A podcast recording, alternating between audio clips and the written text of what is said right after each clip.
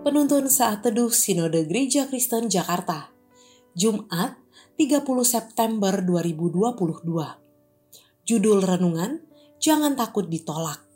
Diambil dari Nats Lukas 10 ayat 16 Barang siapa mendengarkan kamu, ia mendengarkan aku.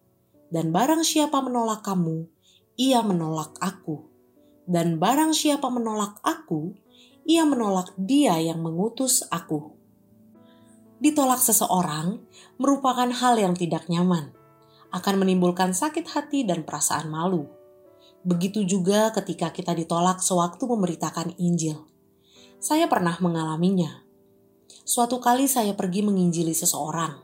Singkat cerita, di akhir dari obrolan kami, saya menanyakan kepada orang tersebut apakah ia mau menerima Yesus sebagai Tuhan dan Juru Selamat dalam hidupnya. Ia pun menjawab, belum dulu.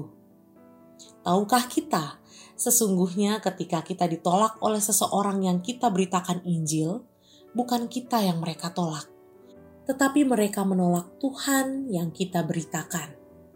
Firman Tuhan hari ini katakan, Barang siapa mendengarkan kamu, ia mendengarkan aku.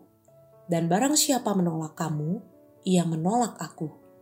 Dan barang siapa menolak aku, ia menolak Dia yang mengutus aku. Seharusnya kita tidak perlu merasa malu ketika kita ditolak, karena sesungguhnya bukan kita yang mereka tolak, tetapi mereka sedang menolak Tuhan yang kita beritakan, dan mereka menolak keselamatan yang Tuhan tawarkan dengan cuma-cuma. Jadi, kerjakan bagian kita dalam kerajaan Allah dengan taat dan setia serta sukacita di hadapan Tuhan. Jangan pernah takut ditolak karena bukan kita yang ditolak, tetapi Tuhan yang kita beritakan.